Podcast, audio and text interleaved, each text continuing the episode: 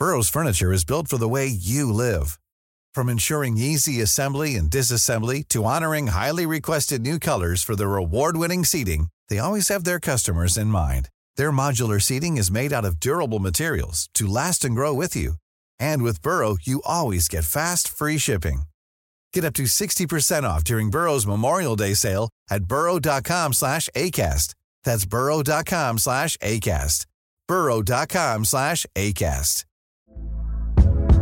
Hey there, it's Michelle Norris. I'm host of a podcast called Your Mama's Kitchen. When I travel, I'm usually looking for a way to find a taste of home when I'm not at home. And one of the things I love to do when I am at home is entertain. And Airbnb allows me to do that. When I was in California recently, I rented a house that had a great kitchen. And when we were sitting around the table, we were all thinking, we're in someone else's house. Someone could be in all of our homes as well. If you have a home, but you're not always at home, you have an Airbnb. Your home might be worth more than you think. Find out how much at airbnb.com/slash host. Many of us have those stubborn pounds that seem impossible to lose, no matter how good we eat or how hard we work out. My solution is PlushCare. PlushCare is a leading telehealth provider with doctors who are there for you day and night to partner with you in your weight loss journey. They can prescribe FDA-approved weight loss medications like Wagovi and Zepbound for those who qualify. Plus, they accept most insurance plans. To get started, visit plushcare.com slash weight loss. That's plushcare.com slash weight loss.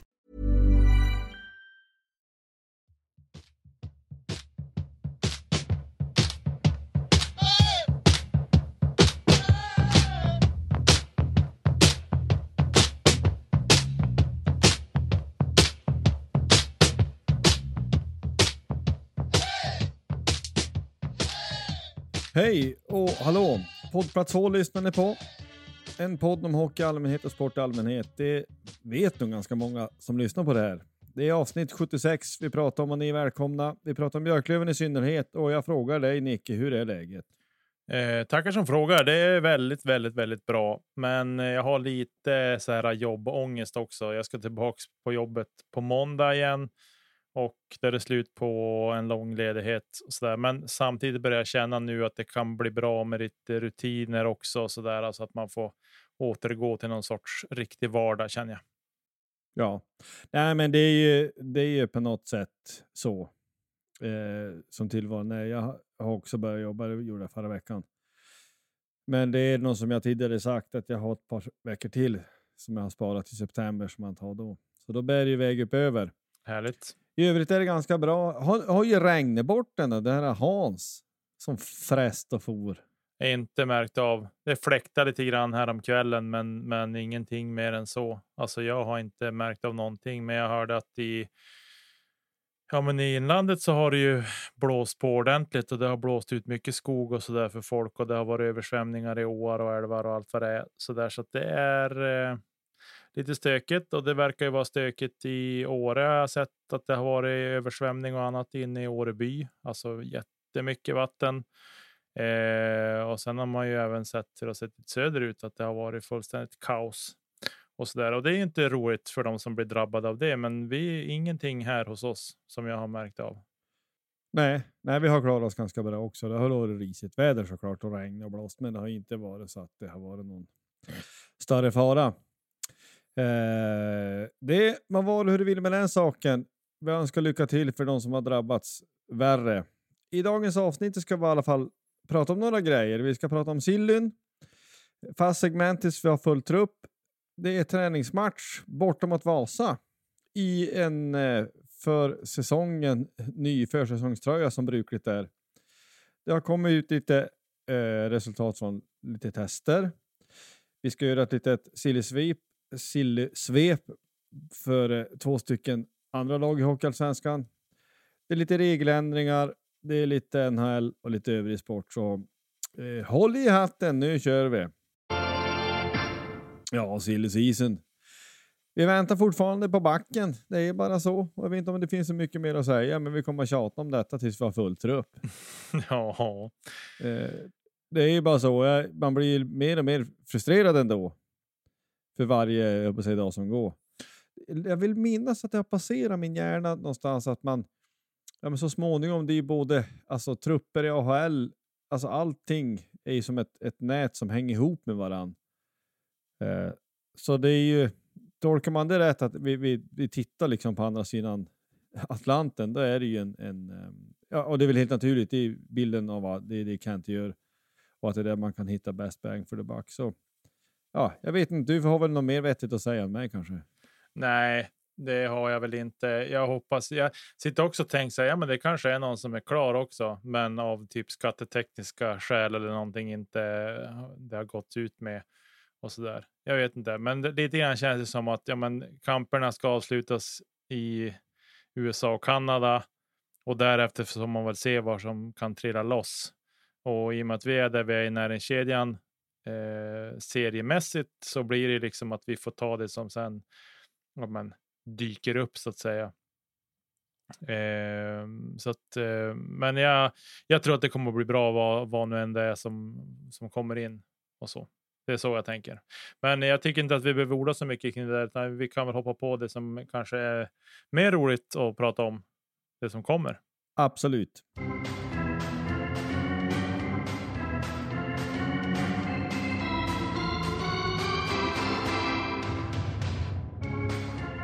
Nej, men det är ju träningsmatch på gång. Det är match borta mot Vasa. Den är 17.30 svensk tid. Eh, Björklöven kommer att sända den där själv. Kassman kommer att kommentera. Och eh, Lövenbyggare kommer att få en kod så att man får se det där inpå. Eh, vad har vi för tankar om detta då? Ja, vad har vi för tankar? Alltså om man vrider tillbaks till fjolårssäsongen så eh, det är lite så här. Jag, är lite, jag är lite så halvbitter på Vasa. Eh, efter det som hände i fjol. Hela den här ah, värvningskarusellen som var där innan transferfönstret skulle stängas i februari där. Eh, att de, ja, men de ville inte släppa. Det var Axel Holmström som var på gång också tillsammans med Löke bland annat. Så, där. så att jag just av den här så hoppas att vi bara sätter dit dem ordentligt och, och kör över dem. Eh, nu tror jag inte det kommer bli så, men jag hoppas det i alla fall. Eh, men framför allt så tänker jag väl att komma därifrån, sätta lite spel, eh, komma igång lite grann med, med ja, men, det spelsystem som är tänkt. Jag tänker att de jobbar på hårt med det nu och, och komma igång med skridskoåkning och sådana saker. Eh, sådär. Men framförallt inga skador och framförallt inga skador av fula grejer på isen. Det är väl framförallt det. Alltså att det blir en förslitningsskada. Det är heller inte kul, men det, det är i alla fall ingen annan som har eh, påverkat. Ingen slashing eller fultackling eller någonting, utan sådär. Så vi, vi får väl se. Men jag, det är väl det jag hoppas mest på, att det inte ska bli några skador. Resultatet känns lite sekundärt nu. Ja, men 100 procent är det ju så. Eh, det är ju eh, ja, viktigast inga skador, men också att man, ja, men, lite struktur och lite linjer i den, i den bästa världen vill man ju se. Sen är det väl också att vi har ju några nya som är intressant att se att, att eh, ja, men folk tar för sig och ja, men liksom kör. Alltså kör vi så kör vi. Um, kanske, ja, men om vi nu tänker att både heter han, eh, den här unga backen bolivianskt ursprung och även Axel Blom, om den får kanske följa med och få se i liksom ett mer skarpt läge då eh, mm. hur de eh, eventuellt kan göra så göra sig, eh, ja, göra sig bekväm med, och så säga, med vuxet folk. Eh, jag håller med dig runt Vasa och det här som var i våras. Eh, I, hade vi varit i samma sits kanske vi också hade försökt att mjölka varenda spänn ur det där. Eh, så det är väl ja, men liksom, det, det är så här man gör business. Men det kändes ju inget roligt. Och ännu mer när, när vi inte gick upp.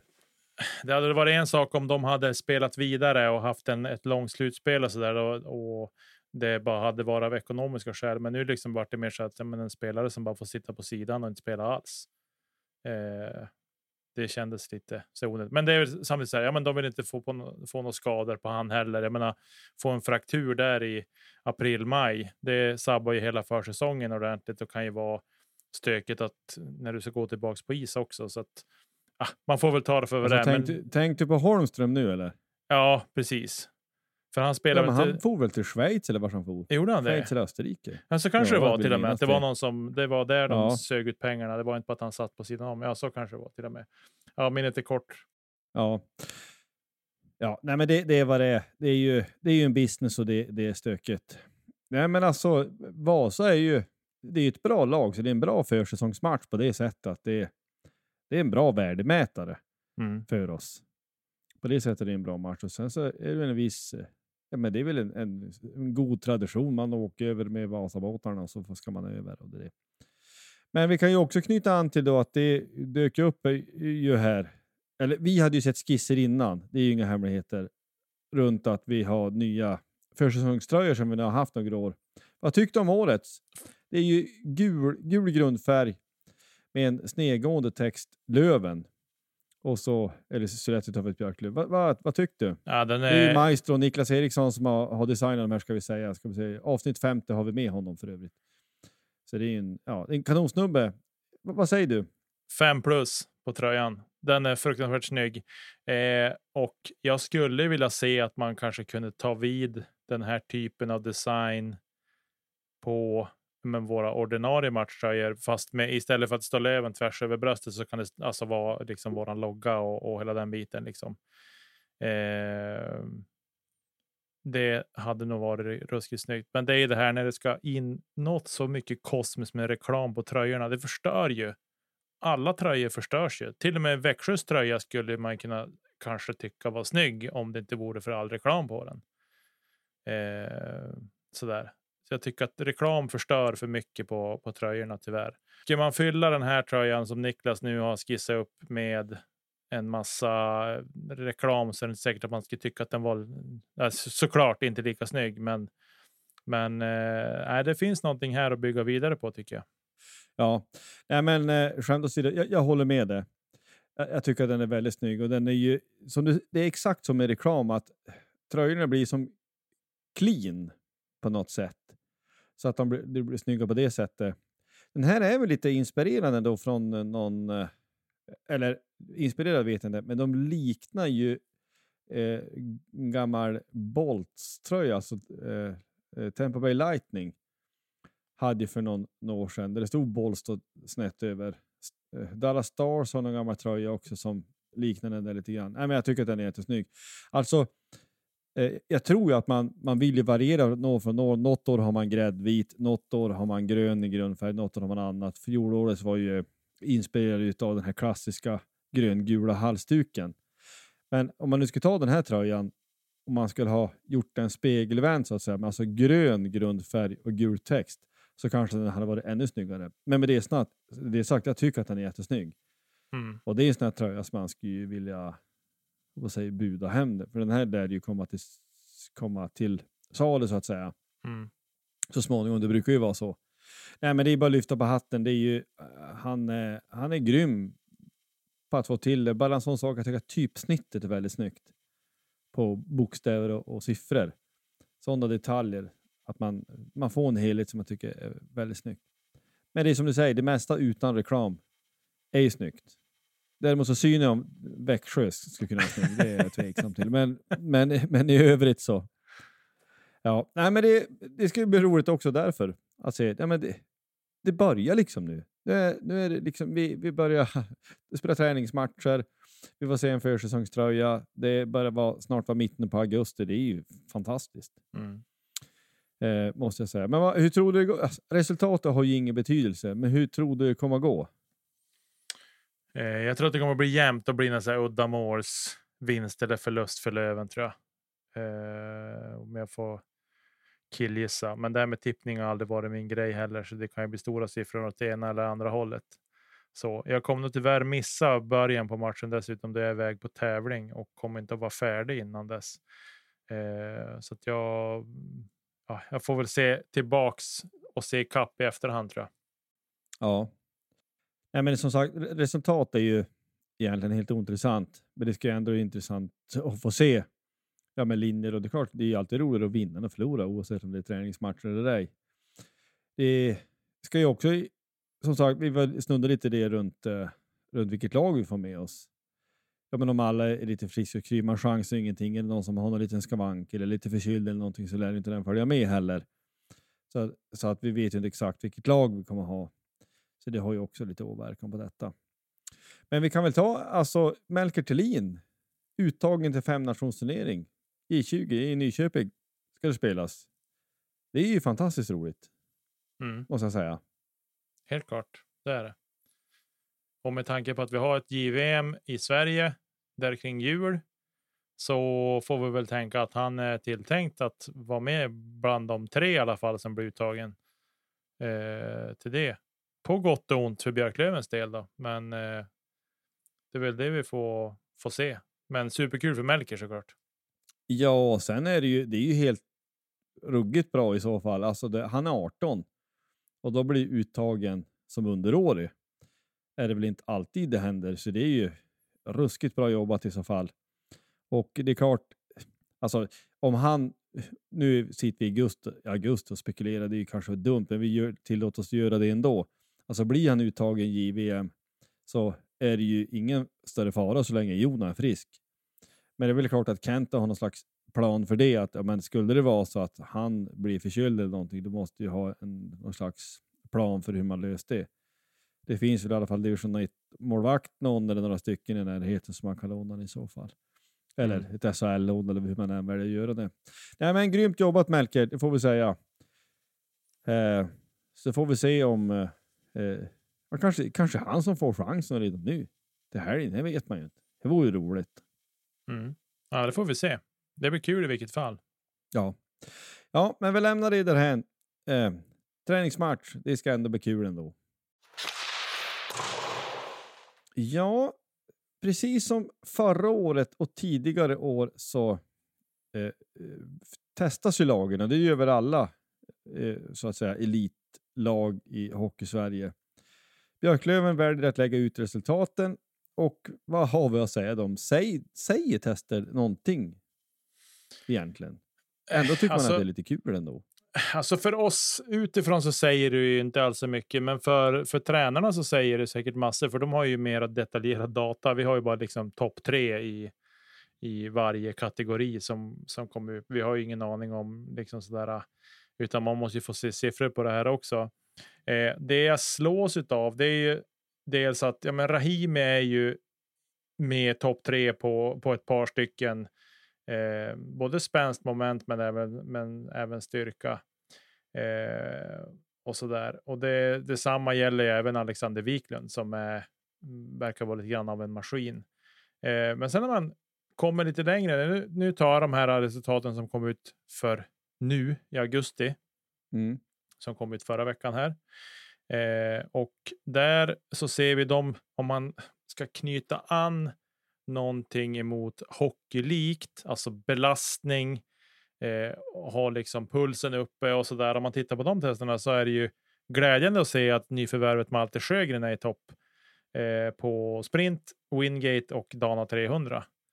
Eh, och det är ju det som kanske är mest berör mot det hockeylika gällande skridskoåkningen. Men om vi tar repetition för dem som har dålig koll, inklusive undertecknad. Wingate och Dana 300, vad är det? Eh, Wingate är ju cykel. Då sitter du på cykel och så ska du cyk- trampa allt du kan i 30 sekunder. Tror jag, det jag tror det är 30 sekunder och det är ju en broms på den där cykeln och så får man fram ett, ett eh, jag gissar att det är kilowatt du får fram ur den där. Eh, och det är ju tungt så fruktansvärt. Eh, det där. Är det som en ökande broms ju längre 30 sekunder går? Nej, även om det är en jämn belastning, men du bygger syra ganska fort. Eh, så jag kommer inte ihåg om det är en ökande broms eller om den är bara konstant. Eh, Tänk om det är ungefär som tractor pulling. Att till slut så tar ett stopp. Precis, ja lite så kan man väl kanske jämföra det. Sen Dana 300 är ju, är ju löpning, 300 meter, vila två minuter. Eh, sen löpning igen, 300 meter, vila två minuter. Och så gör man det fyra omgångar. Så det, totalt är det 1200 meter löpning. Och jag gissar att de här ska nå ner under 55 sekunder i alla fall för att vara godkända. Just det. Är det någon Per här, varv då ska sägas. Per 300 meter ska de under 55 sekunder. vad är det det här som man kan jämföra med det här klassiska beep-testet? Det är något liknande. Ja, Nästan. fast egentligen inte. Det är ju löpningen som är det lika egentligen. Bipen är ju med att du ska du springa i jämna tempon och liksom eh, när det piper så ska du vända och så där. Så ska du hinna sträckan också som är 20 meter tror jag på biptest. Här är det ju, jag tror att de här kör nog 50 meter eller han, eh, när vi hade med Liam Dover Nilsson så bekräftade han inte att de körde ju 50 meters sträcka då och så kör de ju sex svarv då, eller sex löpningar för att få upp 300 meter och sen vilar och sen kör de igen. De skulle köra fyra varv eh, och så med två minuters vila mellan varje. Och det är gristungt det också. Men om man tänker att det är 1200 meters löpning och du bara ska springa 1200 meter löpning så tycker man liksom att elithockeyspelare ska ändå kunna hålla den farten under den tiden eh, kring minuten i alla fall utan problem. Men jag tror nog att det är nog så att en högre ribba än så för de här. Så jag skulle tänka mig att under 55 ska de nog. I alla fall. Om jag får gissa Ja. bara. Det låter otäckt. Alltså jobbigt alltså. Det är jobbigt. Det första går ju alltid bra för då är du ju pigg och rask. Eh, men sen Mm. när du bara får vila två minuter efter att ha sprungit allt du kan i, i ja, men säg 50-55 sekunder och så vila två minuter och så ska du på det igen. Det är ju egentligen då det börjar kännas hur bra återhämtning du har haft och så där. Men det, det är ett tufft test. Men det är i alla fall glädjande. Men Rahim är ju med där också på Wingate bland annat och Nörstebö. Eh, och sen på Dana har vi Malte, Joel Mustonen och Linus Kronholm. Eh, sprinten har vi Malte Sjögren, Daniel Rahimi, Mattias Nörstebö. Eh, det, är även de, det var de på Wingaten också. Eh, sen på Kins, då smygs Jona in, Voutilainen. Smygs in där Ja. tillsammans med Joel Mustonen och Fredrik Andersson. Det känns så här, ja men de är armstark, de där pojkarna. Ja, men har, har vi koll på om det är skillnad mot vad vi säger i maj eller när det nu var? Eh, vi ska titta. Ja, Sjögren var ju inte här då givetvis. Han var inte här då, men om vi tittar på dem som vi har då, om vi tittar på Wingate så hade vi Rahimi i topp före Jona Voutilainen och Kim Johansson. Och Kim verkar ju inte ha varit med nu och kört. Eller han kanske har varit med, men han syntes inte med i listan i alla fall. Eh, sprinten, där har vi Linus Kronholm i topp före Joel Mustonen och Fredrik Andersson. Eh, Kins, där är det ju samma tre, Joel Mustonen, Fredrik Andersson och Jona Voutilainen. Så. Eh, men det säger, det säger väl en del eh, ändå, tänker jag. På Dana 300 där hade vi, hade vi Jussula i topp före Mustonen och Kim Johansson. Det som egentligen det säger är väl att hur de har svarat upp på, på de passen, individuella passen de ska köra under semesteruppehållet egentligen. Mm. Eh, och hur de har hållit i fram tills det att de gick på någon sorts semester. För de här testerna var väl från i maj. De. Eh, och det är egentligen när de precis har avslutat säsongen så gör de ju de här testerna. Eh, och det är bara för att ha någonting att mäta. Det är för att få fram data som man kan mäta mot någonting i eh, mot nu då egentligen. Ja, nej, men det, jag tror vi nämnde förra året att det, det kan ju vara lite intressant och eh, kanske grotta ner sig i någon mening. Sen så vet vi allihop att ja, men hockey det är ingen bänkpresstävling. Eh, men det är ändå liksom intressant. Det är precis som du säger, man vill ha, vill ha data att kunna mäta mot. Också att spelare, spelare är människor såklart och, och ha någonting att ja, men, tävla emot. Att, ja, men, är jag lite snabbare? Orkar jag lite mer? Är jag lite starkare? Sånt är alltid kul. Mm. Eh, helt, mm, helt enkelt, eller underlättar väl om inte annat. Ja, men det ska bli intressant. Vet, gör vi tester under säsong mycket? Det här borde vi kanske veta. Jag vet inte. Alltså man prövar november, februari eller något annat. Det vet jag inte. Ingenting som de i alla fall har lagt ut om. Sen kanske de har tester ändå med jämna mellanrum som de gör bara för att kolla att man, att man ligger i. Ja, men alltså att man på något sätt följer.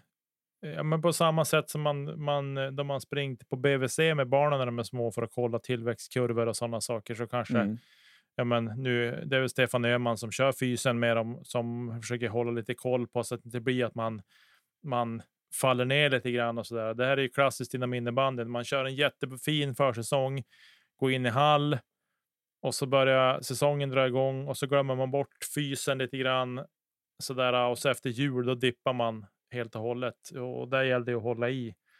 Eh, så att man, ja, man har koll på att man följer sin kurva och helst ska man ju öka lite grann för vi ska in i ett slutspel som är tufft. Eh, och, sådär. och det här gäller ju att ha en balans så att man inte drar på sig förslitningsskador också för att man tränar för hårt eh, under säsong också mellan matcher och träningar. Ändå intressant att du jämför Alexander Wiklund med en tre månaders bebis. ja. Det, är, eh. Det kan ju inte ha hänt jättemånga gånger i hans karriär ändå.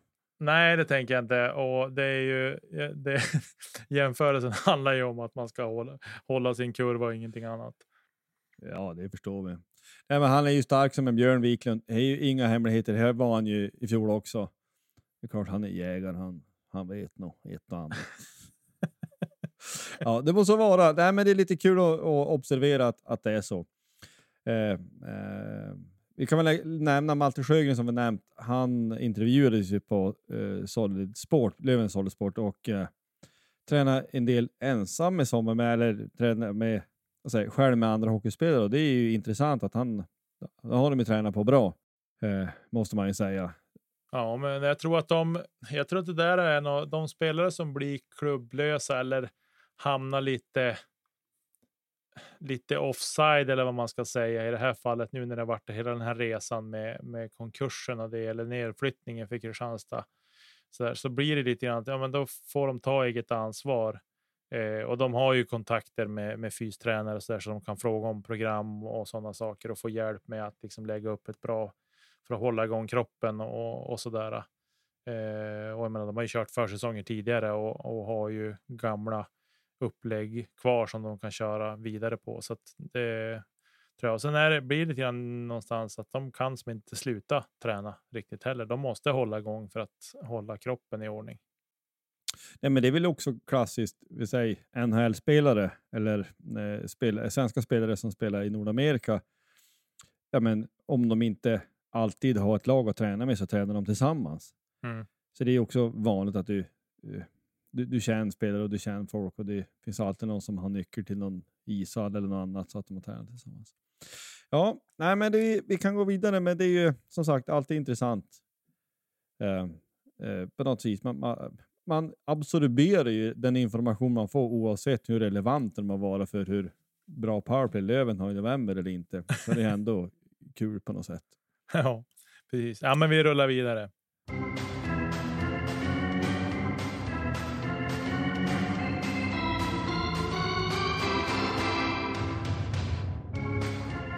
Nej, men eh, lite sillysvep. Vi påminner om likadant som vi hade förra veckan var det väl, att vi har ingen ambition att gå igenom precis varenda lag och precis varenda lags nyspelare och precis varenda lags eh, tappet av eventuella spelare, utan det är mer vi reflekterar lite löst över olika lag och eh, hur, vad vi tror om deras trupper och lite, lite nyförvärv man har. Jag tänkte vi, ja men Brynäs, som är ju en stor klubb, har hur många SM-guld som helst, som då hamnar i Hockeyallsvenskan efter att ha förlorat den här playouten mot, eh, eller vad de nu kallar det, bottenfinalen mot Malmö. De har en ganska stor omsättning av spelare när man tittar till men kanske inte så stor som man skulle kunna tro. Alltså man tänker väl att ja, men åkte ut så då blir det jättestor skillnad, men de har i dagsläget så är det nio nya spelare och tittar man då till exempel Södertälje, Västerås, Mora, Karlskoga, Östersund och AIK. De byter ut fler spelare än vad Brynäs gör.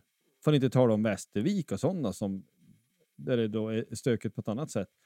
Så att de har fått behålla ganska mycket spelare från SHL-säsongen i fjol. Men med det sagt så de har en ny målvakt i italienaren Damian Klara. Och vars minns du han ifrån? Ta det rakt upp och ner bara. Jag känner igen namnet så fruktansvärt, men jag tar inte rakt upp och ner. Ja, nej, men det är lite taskigt att ta det bara på volley. Han är ju född 2005. Han är jätteung.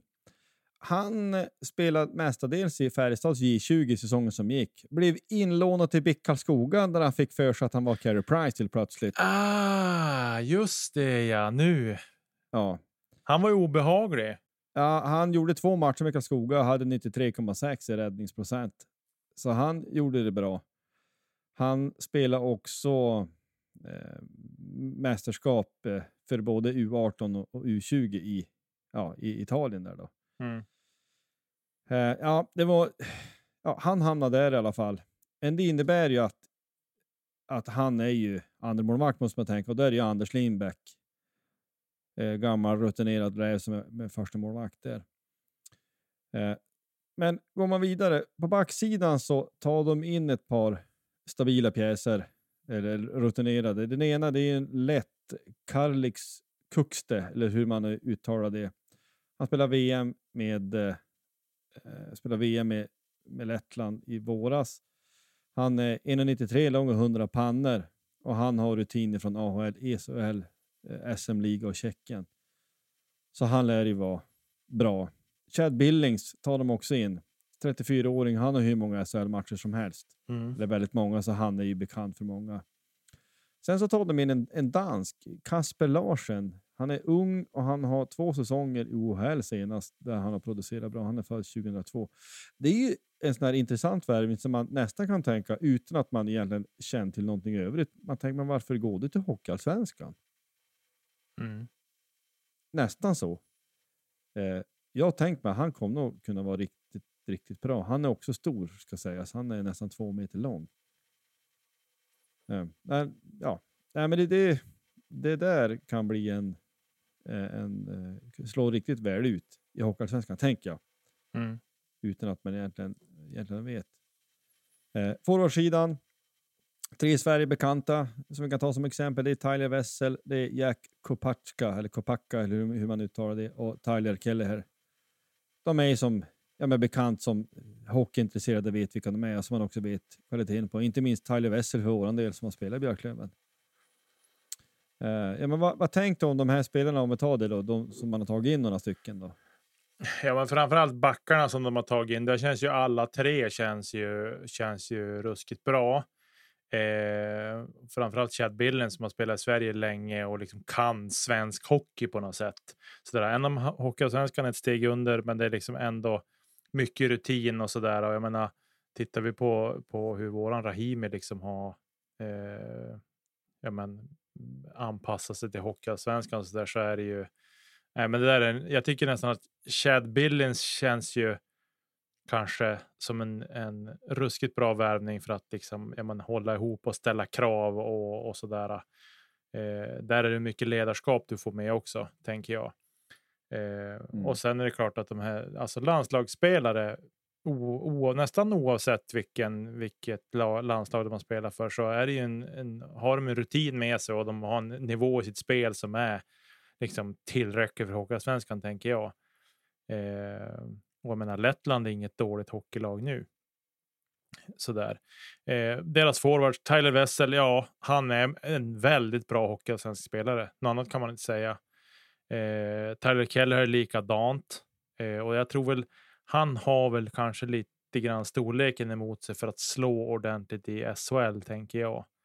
Eh, så. Och sen Jakob Packa är väl någon som jag har lite för dålig koll på eh, överlag.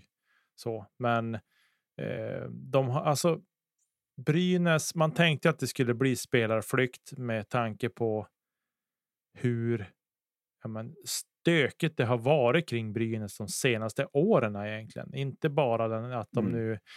Eh, ja, men de spelar ut HV, va? Eh, eller var det Djurgården de spelade ut? Jo, Djurgården var det kanske de spelade ut. Eh, Med HV? Nej, HV kanske När var HV åkte ut så, så var det Brynäs som slog dem. Ja, precis så var det. Eh, ja, det var Timrå som spelade ut Djurgården, så var det. Eh, Precis, fyra och- raka. och eh, sådär. Men de har ju ändå inte liksom tagit sig ordentligt. De var ju i botten även det året när Djurgården åkte ut. De, klar, de var väl på plats 12 där tror jag. Eh, så de var just ovanför. Hängde på repet det var väl ett tre, trelagsrace där va? Ja, Om jag minns rätt och att Bry, Bry, Brynäs klarade sig. exakt. Eh, nej, men jag håller med om att frågeteckningen, äh, frågeteckningen, frågetecknen rör kanske inte truppen så bara, utan snarare hur klubben mår i övrigt. Jag skulle bara säga att den här Jack Kopacka, eller Kopacka, eller hur man uttalar han spelade i Kristianstad i fjol. Ehm, så han har vi mött. Men det är också så att man håller, in- eller i alla fall jag kan inte hålla reda på alla spelare som Björklöven med. Men det, ja, han är ju, eh, kom från AHL före det, så att det är en, ja men, verkar då en kompetent eh, hockeyallsvensk spelare. Men eh, jag tänker också vad det gäller Brynäs så viktigare är kanske att titta på vilka spelare de fick behålla från SHL-säsongen. Jakob Blomqvist, Greg Scott, Johan Larsson, Anton Rudin, Linus Ölund för att nämna några.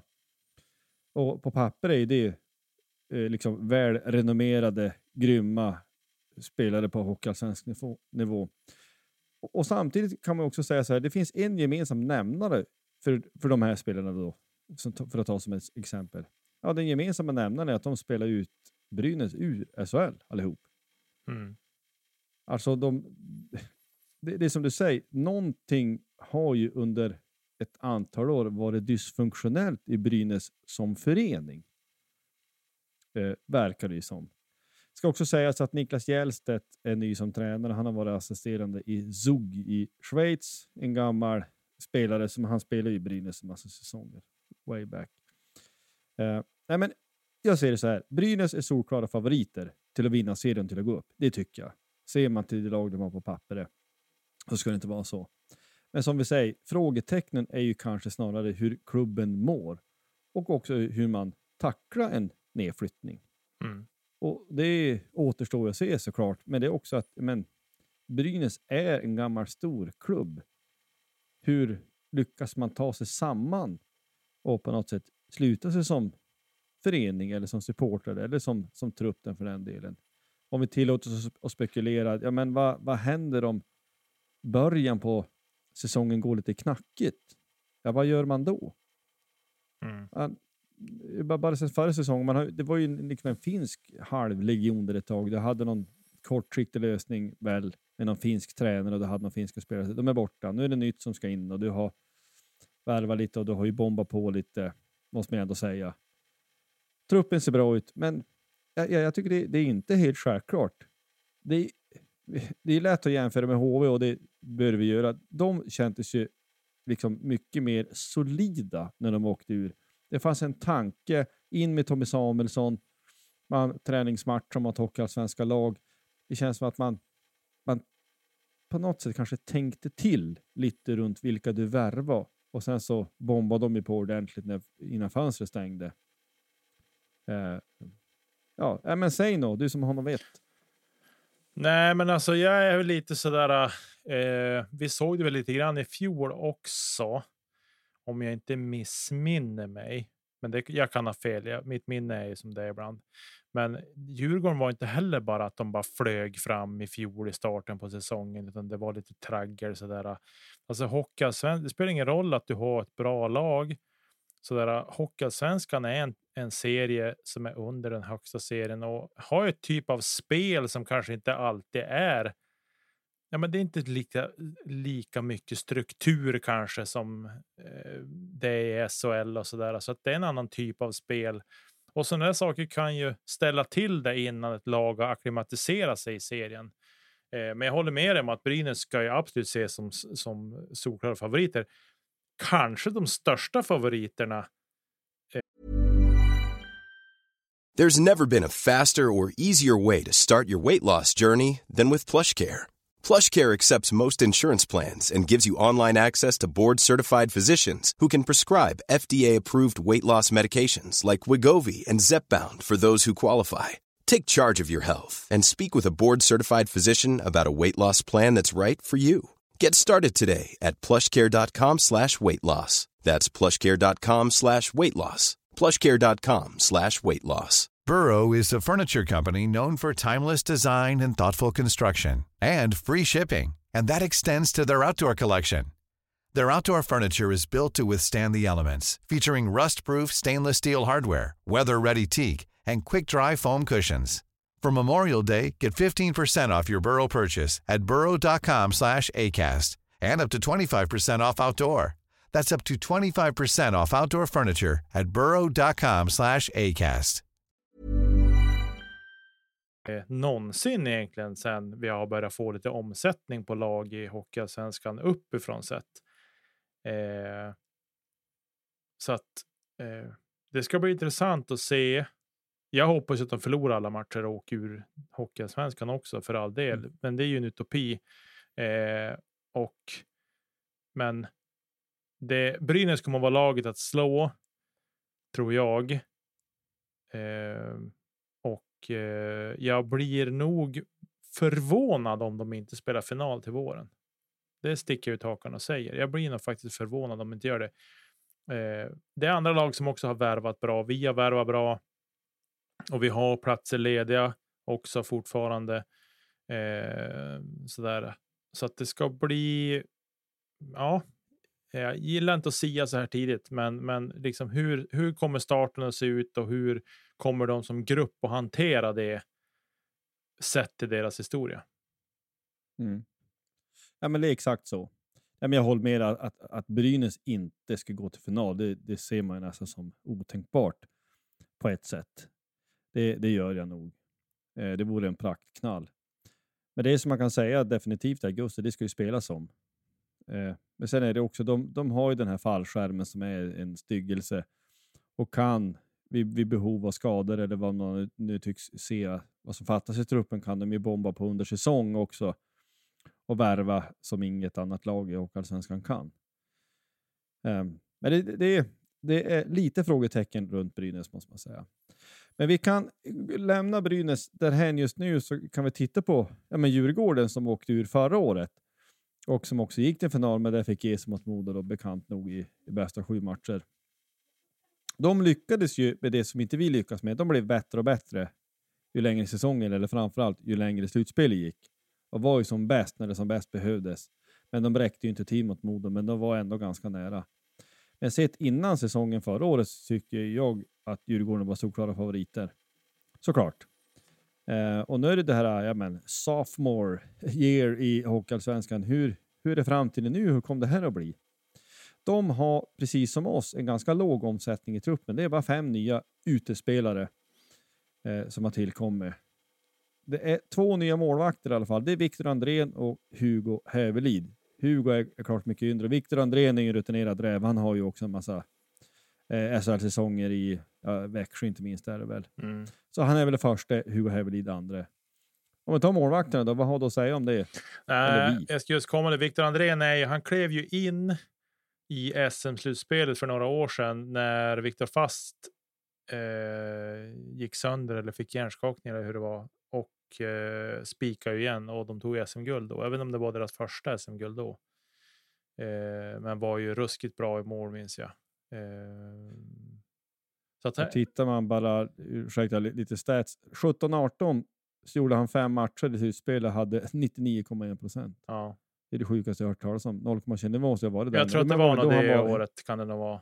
Eh, nu är det ju fem år sedan, så mycket vatten ju runnit under broarna för all sin dag. Men, men alltså, han har mycket bra spel i sig ska sägas.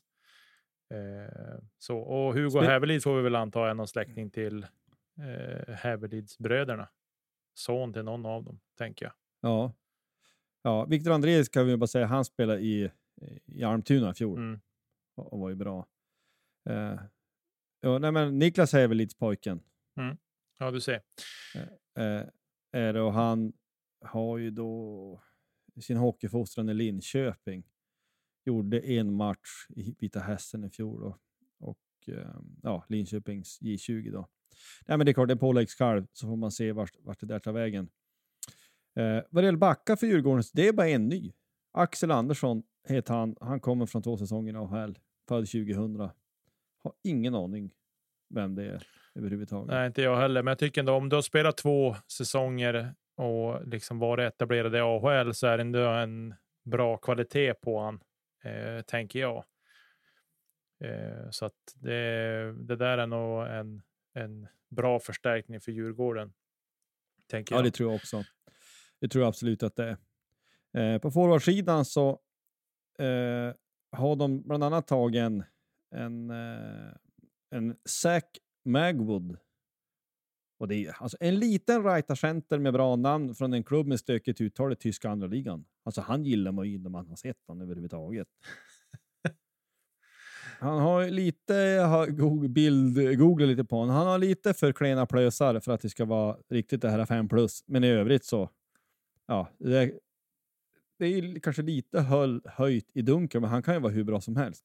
Jag menar, vi har ju värvat en sån som Alex Hutchings från tyska andra ligan och som var eh, jag menar, en pålitlig poängspelare, en massa herrans år för oss.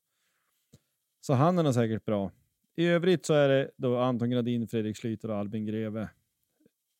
Habila hockeyallsvenska arbetare får man väl ändå säga. Jag känner till dem mer i övrigt, men tittar man till dem så är det ju mycket som är... De, de föryngrar ju laget i de, på flera platser där de byter ut då. Och de här är ju lite yngre allihopa om jag minns rätt.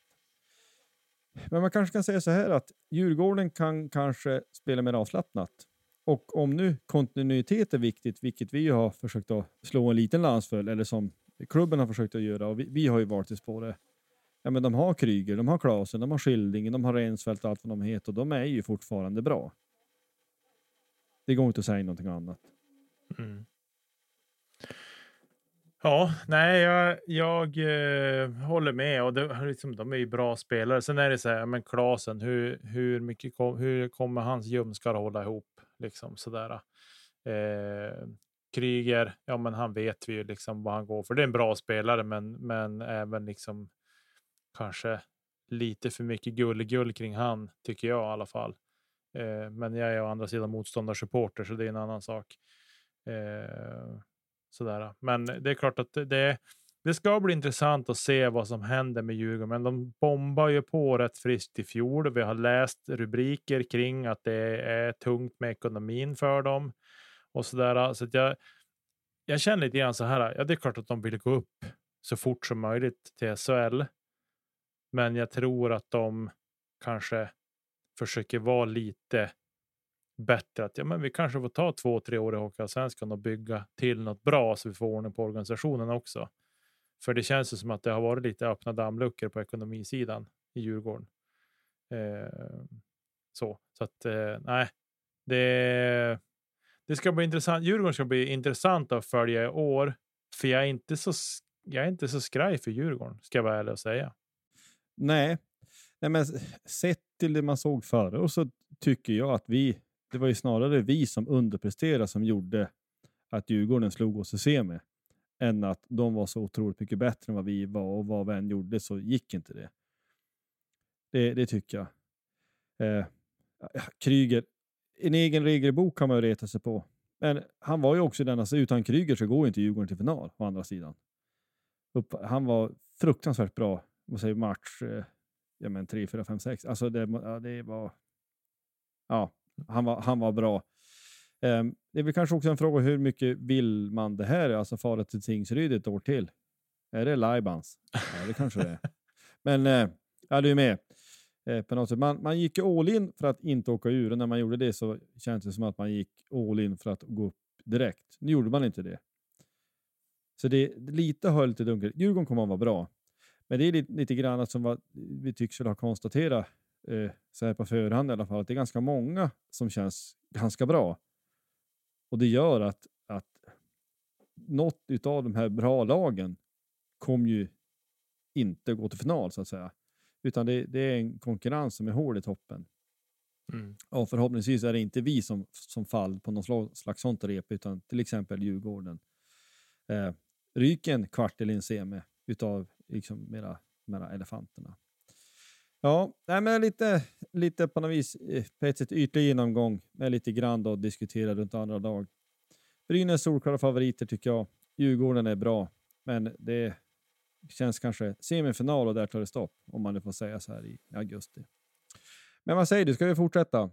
Det tycker jag. Vi har nåtts av lite nyheter angående regeländringar.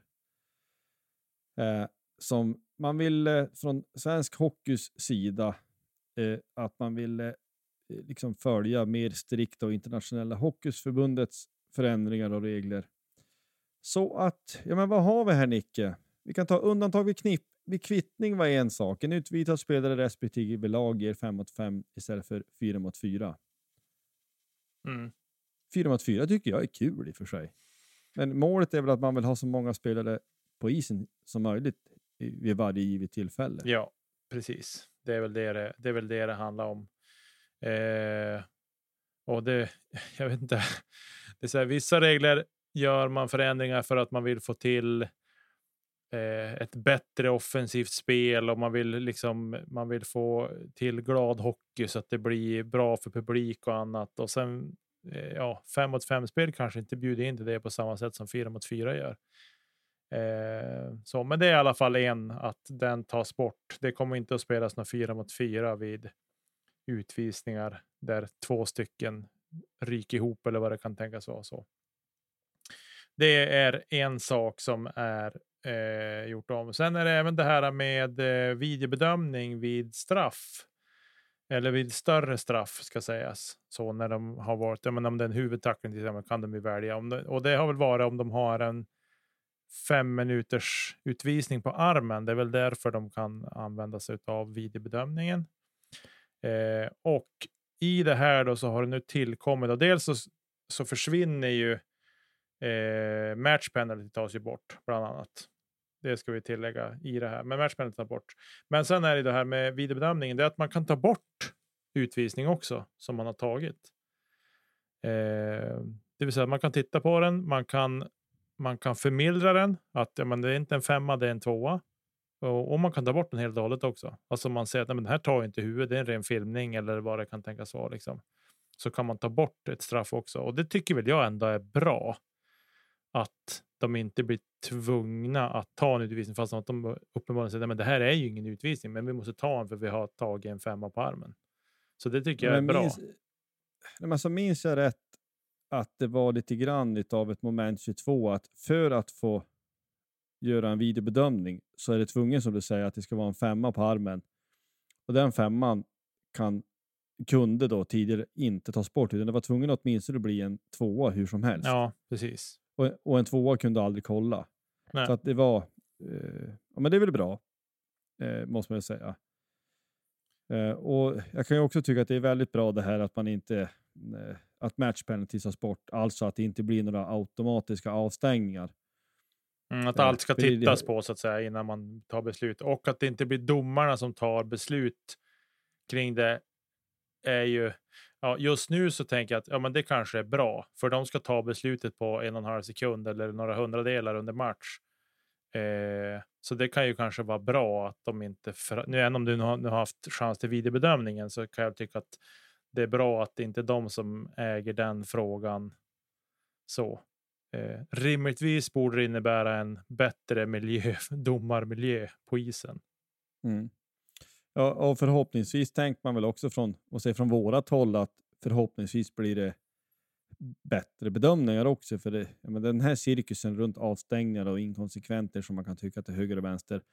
Förhoppningsvis, eller i alla fall i den bästa av världar, så styrs det här upp lite grann. Att det finns mer så att säga, kryphål för att kunna eh, på något vis men, ta bort, eh, alltså annullera utvisningar helt enkelt, som inte har gått förut.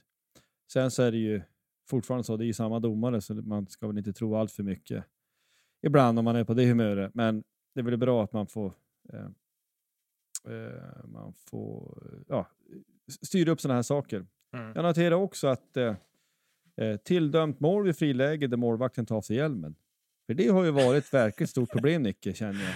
Ja, nej, vissa säger så här, bara, det är bara ett förtydligande att, att eh, då, då, blir, då dömer man mål. Eh, det är ju som, jag tror att det är, i, det är väl så i hockeyn också, men innebandy vet jag, så kastar du klubban till exempel, slår bort bollen som är på väg in i mål, eller kastar klubban generellt om det är tom målbur tror jag, eh, så dömer man mål. Alltid. Mm. Jag tror det är så i hockeyn också. Eh, Sen är det ju också, vi ska säga det också, det här med match penalty, det tas bara bort i de serier som hanteras av Svenska ishockeyförbundets eh, disciplinnämnd. Inte Mm. de övriga serierna. Eh, så det kan vara en liten detalj att lägga till i det här. Eh, sen det här physical abuse of official videogranskas och det kan väl vara klokt kanske, tänker jag. Eh, det har ju varit några sådana. Eh, under. Men var inte Luleå någon där? Ja, men någon målvakt hade backat så krockade de med en spelare och han blev väl både arg och rädd eller någonting. Så det blir det, ja, då blir det physical abuse fast det är helt uppenbart att spelarna har, ser ju inte domaren. Det finns ingen intention överhuvudtaget att det, det är absolut ingen physical abuse. Men har de liksom börjat döma det så ska de börja på ta det ändå. Ja, och sen var det väl någon linjedomare som åkte. Och det är, det är väl så här. Äh, klubborna ska vara i båset för de som är i båset. Det köper 100 procent. Men det var väl också så här att det var någon spelare som, som stod på bänken och klubb, klubban hängde ut över sargen. Domaren åkte in i klubban och fick den i huvudet eller vad det var. Eh, och det var ju också en sån där som var. Och, eh, eh, ja, det är ju som en slamkrypare kan jag tycka, men ja, man måste bedöma på någonting och då vart det det då. Eh, men de kan i alla fall titta på det på video nu och att de då kan fastställa eller ta bort det. Ja, jag tror att det var den jag tänkte på för övrigt. Ja, det är ju bara någon svagt minne jag har. Nej, men det är väl jättebra att du kan eh, slå en glutt på det där och så säger att det var ju ingen som gjorde någonting med flit utan det vart en krock eller att det var inte meningen. Håll reda på klubban, men det, måste ju också finnas någon slags uppsåt tycker man för att det ska bli utvisningar och ännu hellre långa avstängningar såklart. Ja, nej, men vi noterar att det finns. Eh, det är lite nya regler. Eh. Mm. Ja. Ruffen kan ge har... fem minuters utvisning också, bland annat. Det är en sån. Det ju, har ju tidigare varit två plus två. Eh, mm. Oftast dömt då, men nu kan de även döma fem minuter då. Eh, och så där. Och det är väl för att man inte ska liksom. Ja, men så att det inte blir slagsmål utav det, utan det är väl lite så spelarna ska veta om att ja, men, jag kan få en femma för det här. Då kanske det lugnar ner sig lite grann och inte blir. Och så. Eh, ja. ja. Nej, nej, men som sagt, vi får hoppas att ja, det här ger en vettigare dömning. Eh, man är lite skeptisk till det för att det är, det är samma ener som håller pipan. Men vi lämnar det där. Vi har tjatat så mycket om domare från och till detta och med all rätta. Men vi, vi konstaterar lite nya regler. Kanske det här gör det lättare för samtliga på isen. Precis. Ja du, Erik Karlsson till Pittsburgh. Vi pratar lite NHL, det måste vi ändå göra. Fjolårets Norris Trophy-vinnare. Um, vad va, va tror du om det där? Ja, jag såg till min förskräckelse att han har varit i San Jose i fem säsonger. Och det känns, känns helt sjukt att det är så pass länge. Eh, men så var det tydligen. Att han har gjort fem säsonger i San Jose. Tyckte det var nyss han gick dit. Verkligen. Eh, så, men vi har ju det här med covid och hela det skitet som, som har ställt till det under resans gång. Nej, men det där är väl en, en supervärvning ändå får vi säga av Pittsburgh. Eh, de har något tunga pjäser där nu. Inte för att det kanske nu vill säga att de kommer gå hela vägen, för det är ett par gubbar som börjar vara till åren också ska sägas. Men skapligt namnstarkt lag ändå får man ju säga. Ja, nej, men det är ju också, och det är väl också, ja, det är inte bara väl, det är ju klart uttalat från, vad säger Pittsburghs ägare, från Pittsburghs ledning att man, man gör en riktig push nu med den något, som du nu säger, åldrade trupp man har. Du har Malkin, du har Crosby, eh, Letang och sådana. Men vi, vi försöker klämma det sista ur de här spelarna eh, som man har, då, som har varit kärnan hur länge som helst. Och då lägger man till Erik Karlsson. En sån som Letang sa väl liksom att han var lätt villig att här, kliva ner ett pinnhål, speltid i powerplay, allt detta. Att det är helt såklart att Erik Karlsson är första back på alla sätt och vis. Framförallt offensivt och allt det här. Det är ju en trade ska ju sägas, det är ju tre parter inblandade och eh, Montreal som jag själv har ett visst intresse utav är ju med på ett hörn och jag måste säga att här tycker jag ju att Montreal gör bra ifrån sig. Alltså Montreal på, på, på, liksom på GM-nivå gör mycket rätt nu. Alltså för Montreals del innebär att man får tillbaks Jeff Petrie. Jeff Petrie var i, Montreal några säsonger och det var jättebra tillsammans med eh, Webber. Alltså de var de bästa backarna då. Han kommer tillbaks Pittsburgh behåller 25 procent av lön för Petrie. Så att du får loss lite eh, cap space där.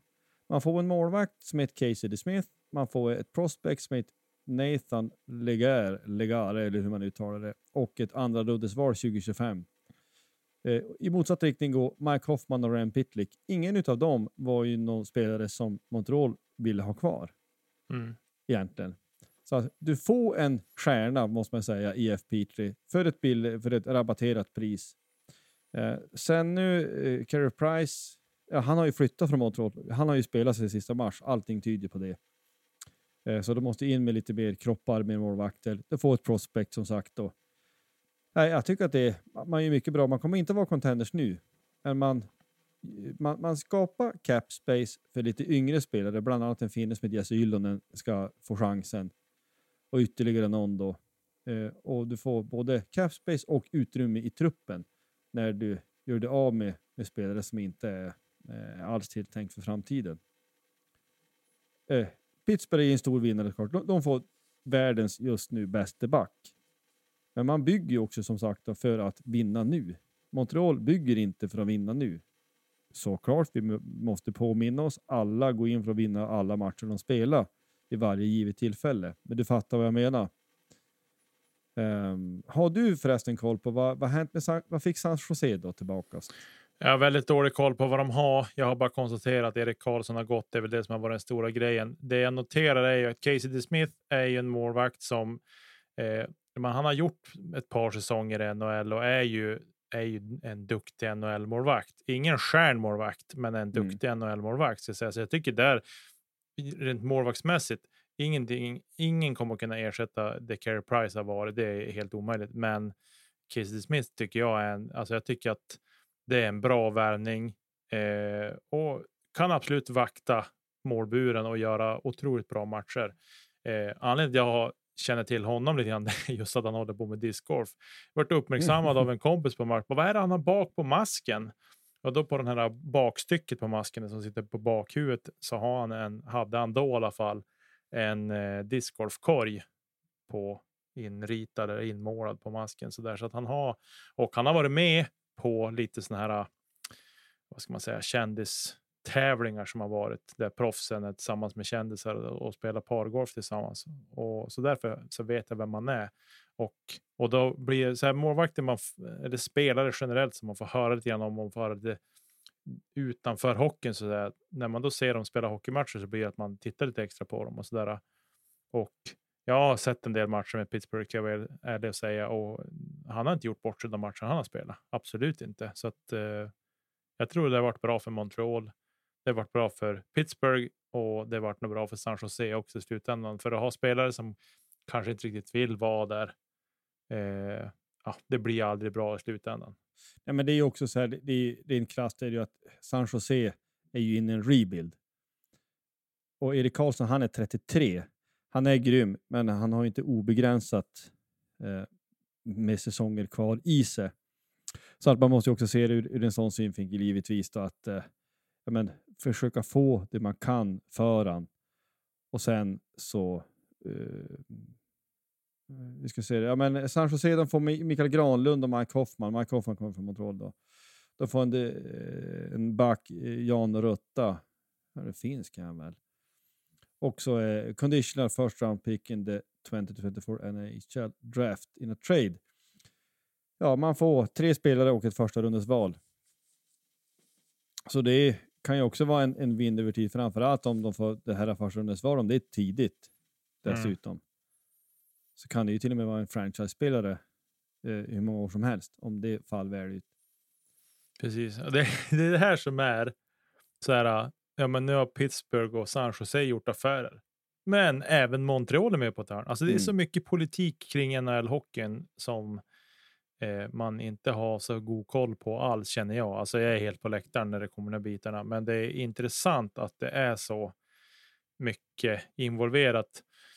Vi ser väl lite grann av det här att nej men, när vi har spelare som skriver på NHL-kontrakt som har varit hos oss någon gång av de senaste säsongerna, ja, men då får vi lite pengar för det.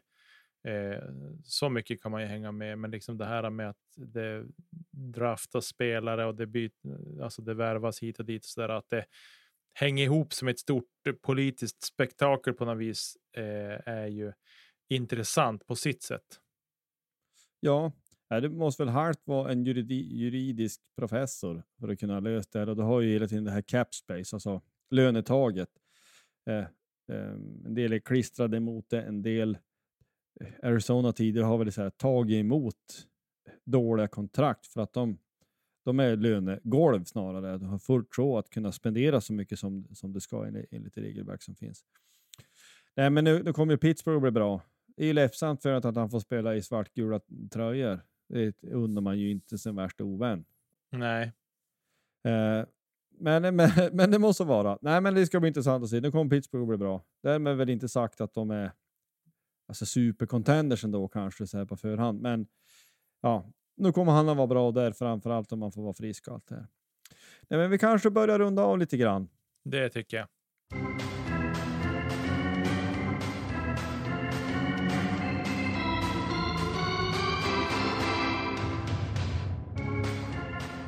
Det är ju eh, den övriga sportens värld. Jag sa förra veckan att det nästa match som Degerfors spelar är mot Värnamo borta och det är nu på måndag. De har haft spelledigt. Eh, det är ju omgångar som flyttas om lite grann på grund av att vissa klubbar eh, vissa klubbar spelar ute i Europa. Så det måste vara med hur det vill med den saken. Jag hoppas att Degerfors håller sig kvar i fotbollsallsvenskan och allt det här. Vi nämnde lite grann om att NFL är igång, det är training camp. Och eh, för 49ers som jag får närmast är det träningsmatch i helgen. De har ju ett system, eller system, man har gjort ett upplägg där man har det man kallar för joint practices, alltså du tränar tillsammans med en annan klubb. Så att du inte bara möter ditt eget offense eller ditt eget defense hela tiden, utan att nu kommer 49ers att träna tillsammans med Las Vegas Raiders och också möta dem i en träningsmatch i helgen. Så det är ju ja, ett intressant upplägg och det blir lite mer skarpt läge. Det brukar alltid rapporteras som att det är gurgel och gruff och, och, lite bråk och sånt. Alltså att det blir heta känslor. Men det tror jag är bra, för det tror jag alla tycker är utvecklande. Att du får faktiskt... Det, men det är lite typ som in, träningsmatch, men, men det är väl ungefär, inte vet jag. Ja, men Björklöven tränar också tillsammans med ett annat lag. Så att när du ställer upp i spelövningar så har du andra spelare än dina egna som du... Jag menar, om du har, det säger sig självt, har du spelat samma lag i ett antal säsonger så känner du ju varandra utan och innan. Mm. Och då blir det lite grann en annan sak. Eh, så att säga. Du sa att du själv ska på tävling förresten. Ja, jag ska tävla i Holmsund i helgen faktiskt. Deltävling fyra blir det på Västerbottenstouren. Eh, så det är kul. Eh, gick ju bra sist i Umeå. Då tog jag en bronspeng faktiskt, så det var kul. Eh, från Discgolfen kan jag rapportera att det har spelats SM i Göteborg, eller Ale utanför Göteborg ska sägas. Eh, det är väl Sveriges finaste discgolfanläggning utan konkurrens för tillfället. Eller inte helt utan konkurrens, men det är den, den bästa anläggningen i alla fall. Eh, och där har vi två nya svenska mästare. Ingen av dem har vunnit SM tidigare och på här sidan så vann Dennis Augustsson vänsterslägga och i FPO damfältet där vann Amanda Lennartsson och hon bor i dina trakter Josef. Mm. Eh, så tror att hon tävlar för Karlstad tror jag. Om jag inte missminner mig. Men eh, väldigt duktig, duktig tjej. Hon kan kasta både med höger och vänster arm lika bra. Hon har ju den här eh, förmågan att hon kan göra saker med både höger. Hon kan lära sig en sak med höger, men kan göra samma sak med vänster sen utan att i, i princip träna på det. Det heter ju någonting speciellt det där, men det är ju det är fascinerande i sig i alla fall. Så det är väl det jag har rapporterat därifrån, att det är nya svenska mästare där. Men alltså, om, eh, dum fråga kanske, men hur, alltså hur, hur bra är du jämfört med de här? Alltså hur långt efter så att säga? Eh, är det liksom inte i, i, på samma världsdel? Nej, vi, jag, är, alltså jag är alldeles för långt ifrån. Eh, det är jag. Alltså dels, dels sett till min ålder. Eh, så, och sen är det det. Eh, Discgolf är en färskvara ska jag säga. Du kan som inte lägga av en månad och sen kliva på och spela igen och tro att du ska vara lika bra. Så är det inte. Och framförallt inte på den nivån som de spelar. Men vad ska jag säga att jag eh, för att sätta någon sorts bild och perspektiv på det så ska jag väl säga att ja, men jag kanske är 10 till 15 kast sämre per runda än vad mm. Sverige eliten är. Det är nog kanske 10, då går jag väldigt bra och de spelar väl också bra. Eh, och 15 då kan jag spela ja men, sådär. Normalt. Ja, Ja. sådär. Jag måste nog pika för att vara, för att vara nära. så. Eh, men de är duktiga. De kastar ju långt också. De kastar ju 150 meter och mer det till och jag ligger runt, runt 100 och det gör ju av sig väldigt mycket. Så. Och speciellt på, på banor som SM-nivå är på. Då krävs det att du har både längd men även då precision och längd tillsammans. Så. Men om man då vänder sig 180 grader för deras del då, eh, motsvarande då på, på en höft, hur många kast efter är de världseliten då? Är det 10 det också? säga. Nej, nej, nej, nej, nej, nej, så mycket är det inte. Men kanske jag skulle säga att det är fyra, fem, sex kast kanske. Sämre. Men det är lite, handlar lite om förutsättningar också. Sådär, vi har ju kort säsong. Alltså en om södra Sverige är ju skillnad. Men det blir ju trots allt kallt där. Eh, ett par månader. Jag vet ju själv, liksom, ja, men våran oktober, det är lite som kanske ja, men, södra Sveriges januari. Eh, Mm. Sådär. Och det gör ju att jag vet ju själv, ja, men hur mycket discgolf spelar jag i oktober? Nej, inte alls. För jag tycker att det är för kallt. Jag tycker inte, det är inte roligt att spela längre. Eh, sådär, så att man förstår, man, vi har lite kortare säsong och framförallt USA, där, liksom, där har du ju flera, flera klimat på samma kontinent.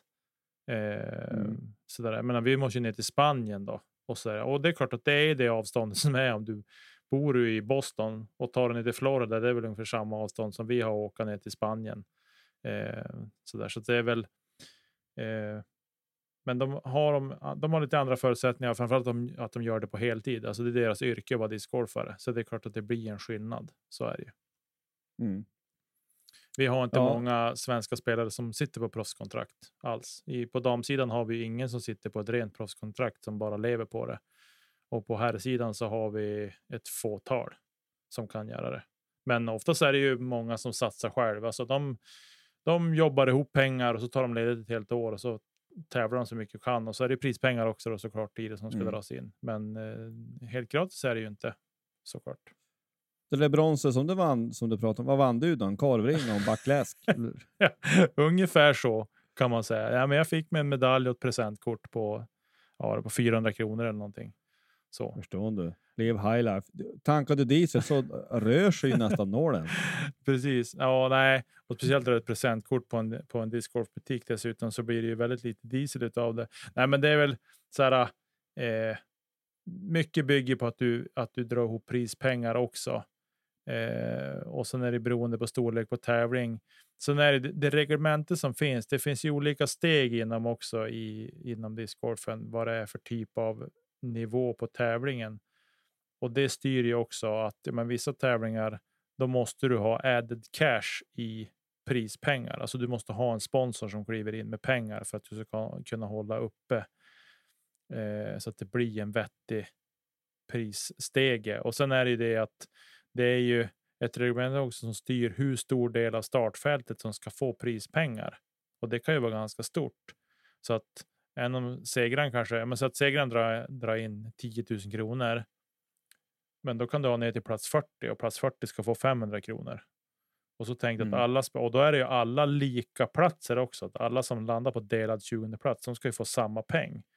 Så det kan ju fort, alltså det blir en ganska stor prispott som ska finnas och ta utav Mm. eh, också. Då. Så att det, det och sen är ju också tanken är ju att klasserna ska ju så mycket som möjligt, i alla fall på amatörnivå, så ska ju klasserna till så stor del som möjligt bära sina egna kostnader. Alltså Mm. anmälningsavgiften ska betala för allt egentligen. Man ska inte behöva ha något, något externt egentligen för den nivå som jag tävlar på. Eh, och nu Västerbottenstouren som jag är in- inblandad i även bakom kulisserna så att säga så har vi, har vi det upplägget att det, vi ska inte behöva, det ska inte kosta oss någonting annat än tid egentligen, utan allting ska betalas av spelarna. Eh, så med priser och sådana saker. Och det är inget konstigt. Det är, liksom, det är transparent, men det är så vi har valt att lägga upp det. Ja, jag menar alltså, blir det för mycket sponsorraggande så tänk man de, de, de stackars krakar som ska göra det då. Ja, nej, men det, Det- går inte. Alltså, då måste man ju ha någon som vill eh, ta kontakt. Och så. Det är klart att man kan lägga ut en krok, men oftast är det ju svårt. Ja, men vad, vad får jag för det? Och så ska man ha, alltså, man, det är så mycket jobb med sånt där, så det, man Mm. orkar inte hålla på med det. Inte på den nivån i alla fall som jag är på. Nej, men det är väl som, ja, alltså är du intresserad så gör du det. Alltså, nu, alltså vill du åka omkring och spela discgolf i Västerbotten, då gör du det och så betalar du och så är du nöjd. Ja, Eh, lite grann så. Jag hoppas det är ju det är ju ganska svårt att räkna hem ett hockeyintresse. Kör 600 mil på en säsong, ja men va, va? det finns ju ingen frisk människa som gör det. Ändå så är det ju de som gör det. Och då gör man det för att man gillar, i, mitt, i vårt fall, av Björklöven. Det är Mm. kanske lite haltande bild, men ändå finns det någon slags Ja, liknande. nej, men så är det ju. liknelse. Såklart. Såklart. Ja. Nej, men vi får tacka och bocka för att ni lyssnar. Eh, vi säger som vi brukar säga att eh, vi finns att nå på sociala medier för den som vill det. Sök på poddplats H på Instagram, Twitter och Facebook så finns vi där. Vi har också en mail, poddplatsh.gmail.com, så man kan mejla oss och nå oss på det sättet. Eh, helt enkelt. Otroligt, det börjar vara matcher på gång. Ja, nästa vecka kommer vi att- liksom prata om det och då, det blir kul också. Tack och bock för att ni lyssnade som sagt. Eh, Forza Löven och ha det gott. Hej då!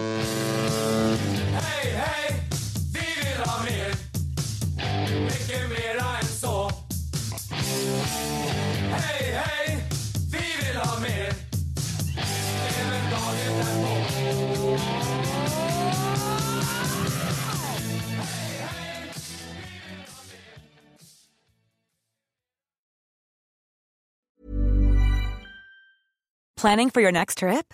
Elevate your travel style with Quince. Quince has all the jet setting essentials you'll want for your next getaway, like European linen, premium luggage options, buttery soft Italian leather bags, and so much more. And is all priced at 50 to 80% less than similar brands. Plus, Quince only works with factories that use safe and ethical manufacturing practices.